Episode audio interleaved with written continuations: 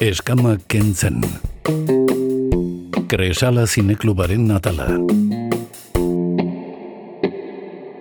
Gaur aste artea da, badekizu entzule astertetan zinemaren inguruan aritzen garela hemen izpilu eltzan donostia kultura irratian, eta zinemari buruz aritu gara zinemaldi osoan zehar, deskantsu bat hartu dute kresalako lagunek, baita guk ere hartu dugu, e, ze badekizue e, iaz e, ze badekizu joan den asteko aste hartetan ez genuela saiorik izan, baina orain, hemen daukago gurekin, Kresala Zineklubeko Janet Diez. E, egunon, Janet, zer modu zaude? Ba, egunon, e, ba, ondo, ja deskansatuak, eta ja, bueno, gure saioekin asteko gogotxu.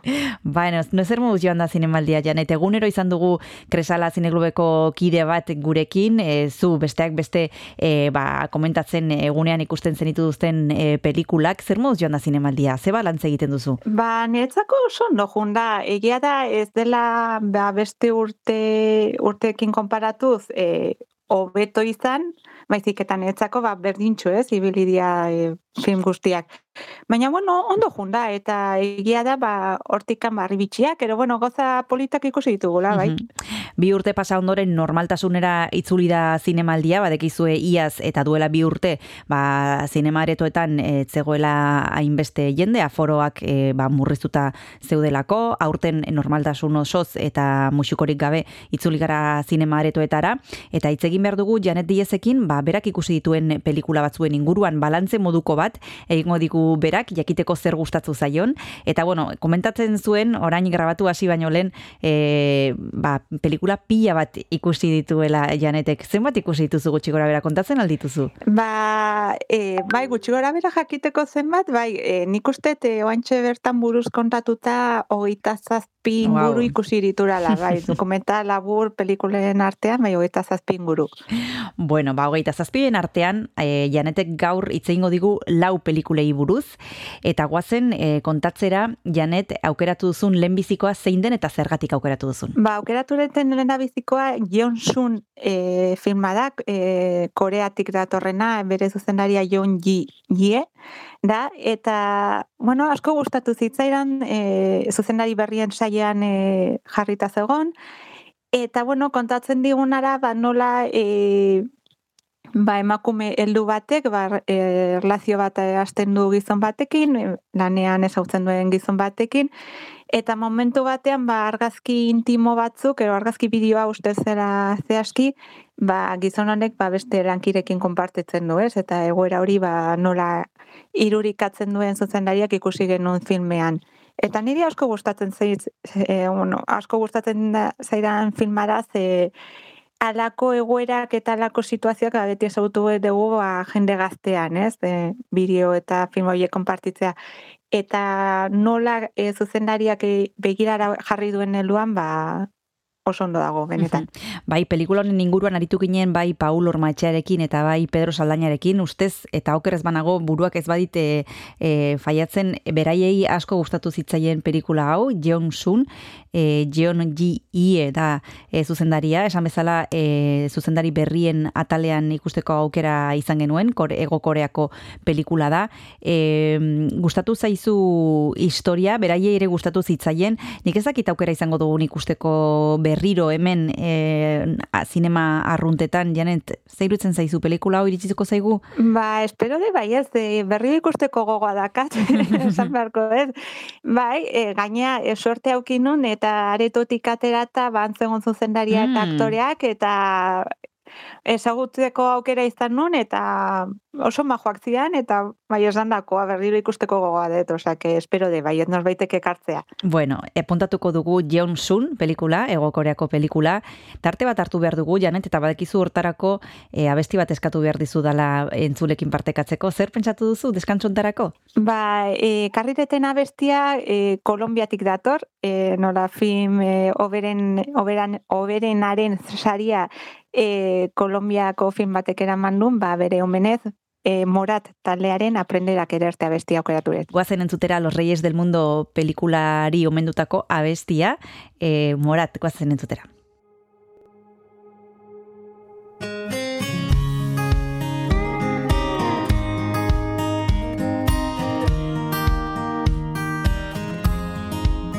Cuando te vi sentí algo raro por una mezcla de miedo con locura. Y tu mirada me juro que si te pierdo, habré perdido la más grande fortuna.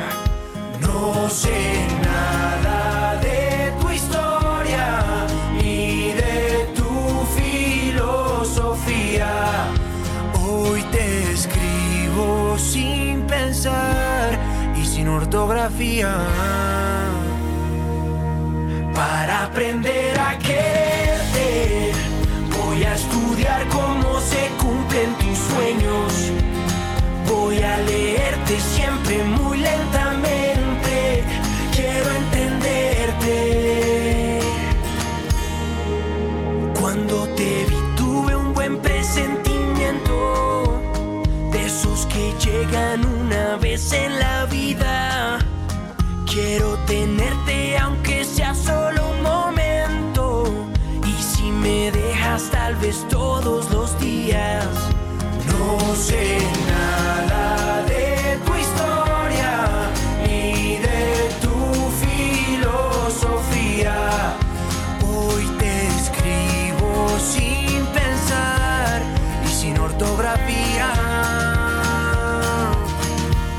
Aprender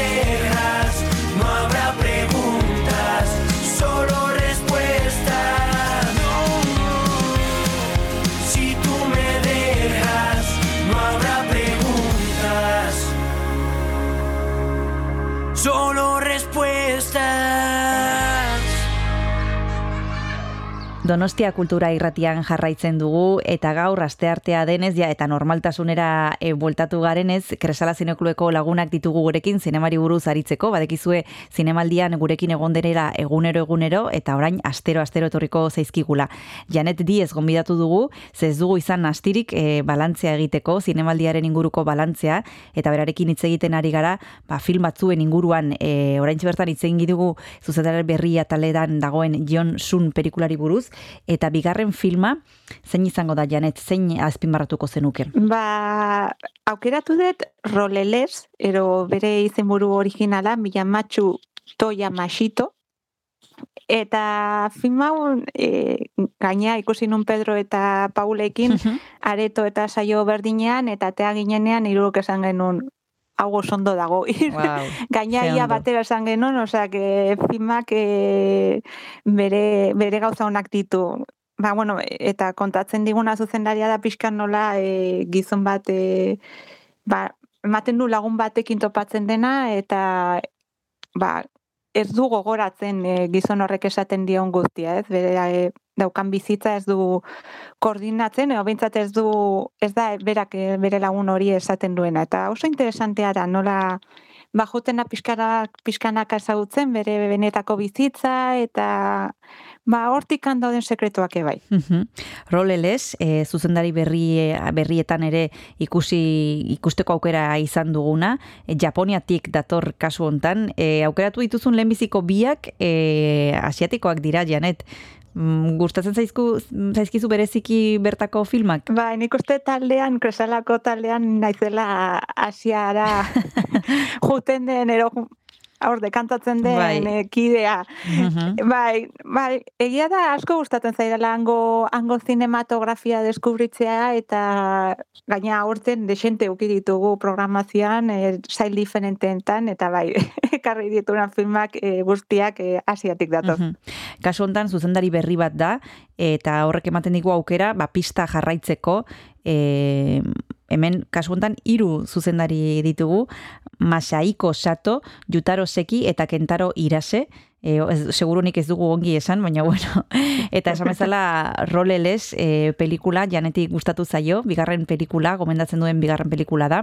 eta guazen nahi baduzu, ba, irugarren pelikularen inguruan aritzera, janete ikusi dituzu beste batzuk, e, beste sailetan e, dauden pelikula batzuk, e, zein azpimarratuko zenuke? Ba, lehen esan bezala, asiara dekantatzen nahi asko, eta nola ez broker ekarri barnun. bueno, ba, guazen brokerrin inguruan hitz zer kontatzen du koreedak pelikula hontan? Ba, historia da nola e, bat topatzen dira momentu baten e, ama bat, e, umea ba, guzten du ba, beste batzuk jasotzeko eta bueno, umeekin trafikatzen duten e, bigizon, ez? Nola elkartzen dian eta nola ingo duten bidaia bat, non hortikan e, ume bat e, bai e, ba, beraiekin jungo da. Eta asko gustatu zitzaidan eta bi ordu tapiko bai. bada, baina segituan pasatzen dira. Bai, esan behar dugu, eunda hogeita bederatzi minutuko iraupena duela pelikula honek, e, e, broker, Irokazu Koreedaren e, pelikula perlak e, atalean ikusteko aukera izan duguna. Okeraz banago Pedro Saldañarekin komentatu genuen eta aipatzen zigun naiz eta gaia gogorra izan umore tokiak ere badaudela eta agian e, trafikatzaileekin ere empatia pikin bat ere e, izan dezakezula edo edo ikusleak izan dezakela. Ezakitzuk ere iritzi berdina daukazun. Bai, bai, umorea desente dago, gaina pertsonei bakoitzak bere umorea du eta beti dago momentu bat e, ikusleak irribar egiten duna eta gaina bai azkenean e, azkeneko sekuentzian e, bukaeran ja ikusleak maite mintzen dira e, trafikanteekin egia esan da, ja besteak dira como me sobran, ez? Beste pertsona, ja baina trafikanteak eta ama bai, eta beste poliziak bai hor da, abitza, bi polizia, segitu maite metzen ikusleak beraiekin. Pedro Saldainak esan zigun, e, zuela inoiz ikusi koredaren pelikularik. E, eta, bueno, esan zigun nola izan zen bere lehenbiziko esperientzia. Zuk nola deskribatuko zenuke autore hau, Janet?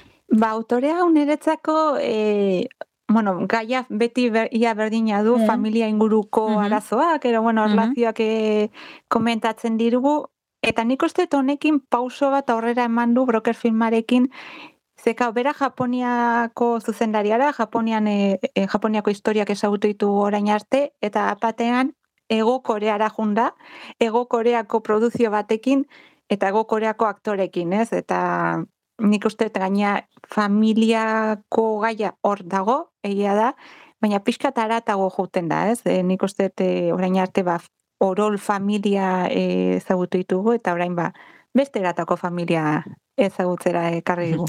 Ba, hori da broker koredaren azken lana, perlak eh, salian ikusteko aukera izan duguna.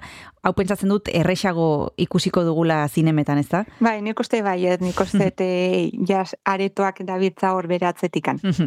ba, bigarren tarte hartu behar dugu, helen eh, jarri duzu moraten e, abesti bat, e, tarte hartzeko, deskantsu hartzeko, eta orain janet, ze abesti pentsatu duzu entzulekin partekatzeko? Ba, bira, broker ikusteko gogo asko nun, eta ba, arrazoi bate izan zen e, bertan iu e, abezlari ateatzen da, uh amaren papera egiten duna, eta ba, bere filma egiten nagola, ba, bere abestia tokeratu dut, eta bestia da Love Poem. Primera magoazen entzutera.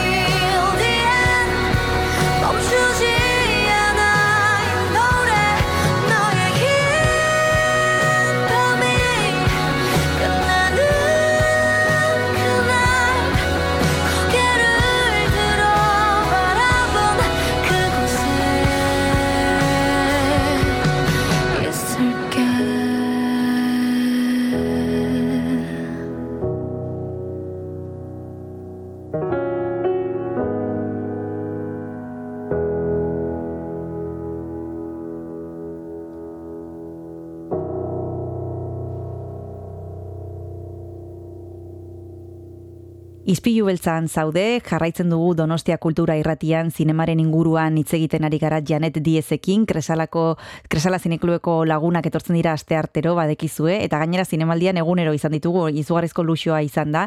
Eberak egiten du balan, egiten ari da e, balantze bat, e, zinemaldiaren balantze bat eta aipatu ditun pelikula guztiak Japoniakoak edo Ego Koreakoak dira eta laugarrena eta azkena ere bai e, Janet Japoniakoa da, e, Tampopo izena du, Juso itamik e, zuzendutakoa, eta kasu hontan e, klasiko bat, e, ez da, e, zer kontatu dezakezu filma honen inguruan? Ba, bai, asiatik ez nahi mugituko saio honetan. e, bai, tanpopo aukeratu dez, e, bueno, ikusi nuenean programazioan e, kuriosa iruditu zitzaidan, ze, bueno, e, pasin nosian jartzen duena da, pixkan nola, e, kamioilari batzuk laguntzen dioten e, ba, restaurante bat duen, ero txiringito bat duen emakume bati, ba, e, ramen perfektua bilatzea, ramen da hango e, bazkari bat, bueno, janari bat, eta kuriosioa iruditu zitzaian, eh? nola, sinopsi hori eta esaten du, nola ingo duten, hau, ramen perfektuaren bialketa hau, eta ikusi nuenean, e, bueno, par batzuko botan itun, Kristina, Kristona, kasalan ebai jendea, oso, porque gaina esan behar dut eh, pelikula, bueno, orain delako, orain dela desente estrenatu zela, en mila behatzen da laro piko urtean, eta orain zinemalian bota zutena restaurazio bat da, laukan, osea, que lujo bat izan da restauratua ikustea, e, eta gaina, e, sorpresa daka filmak, ze zuzten dezu, ba, historio horrekin jarraituko dezula pelikula osoan, baina ez zuzendariak sartzen dizu tartean, beste historio txikitxo batzuk. Osea, da, ikustea pelikula diferenteak pelikula baten barruan. Eta, bai, eta ainadia pelikula batzuk e, nire ustez, mo, pelikula, ero historia batzuk e, denek dutela erlazio bat, eta janarien, janariaren inguruan e, kontatzen diela. Eta esan dakoa, parrak eta parrako eta geniton salan. E, hori bertigarria da. Ba, egun da malau minutuko e, pelikula dugu, eta zein e, nola eskertzen den zinemaldian e, parrak e, botatzean, noiz benka, ze normalean e, pelikulak e, dramak edo pelikulak e, tristeagoak izaten dira, ez? Eta eskertzen da zineman e, zinemaretora sartzea eta irri egitea. E, nik ezakit e, bukatuta gero, zinemaldia bukatu ondoren, janet, gelditzen zaizkizun gogoak pelikulak ikusteko edo egin behar duzun e, atxeden bat eta gero normaltasunera itzuli pixkanaka pixkanaka edo segitzen duzue pelikulak ikusten normal. Ba, esango dizut, e, ez dairalak gogoak endu, gaina e, kidekin hitz egiten azkeneko egunean, ze junginan e, kidetako batzuk e, Ruben Oslun filmaren e, saiora, uh -huh. ondo amaitzeko, zinemaldia, sartu ginen Oslunen saioan, eta eta ginenean, e, hori, komentatzen genuna da, bueno, ze gehatuko gea filmak ikusteko, ja, ziginan ja begiratzen haber ze, ze e, proiektatuko zian egun hauetan, osea, que Gogoak ez zaigu fata. Osea, que pelikulak ikusten jarraituko duzue, seguru nago hemen zinemaldian e, aukera izan duzuela ba, zerbait bitxia ikusteko, zuzendariren bat deskubritzeko eta gero kresalara ekartzeko edo behintzat saiatzeko. Izango dugu horren berri eta emango dugu guk hemen donostia kultura irratian horren berri. E, datorren aster arte, ezakit zuritukatuko zaizu, baina izango da kresala zinekuloeko norbait hemen izpilu beltzan seguru. Eskerrik asko janet balantzea hau egiteagatik eta bezarka da bat urrengor arte. Mi esker zuri eta besarkara ikusle bai. Agur. Agur. Eskama kentzen. Kresala zineklubaren natala.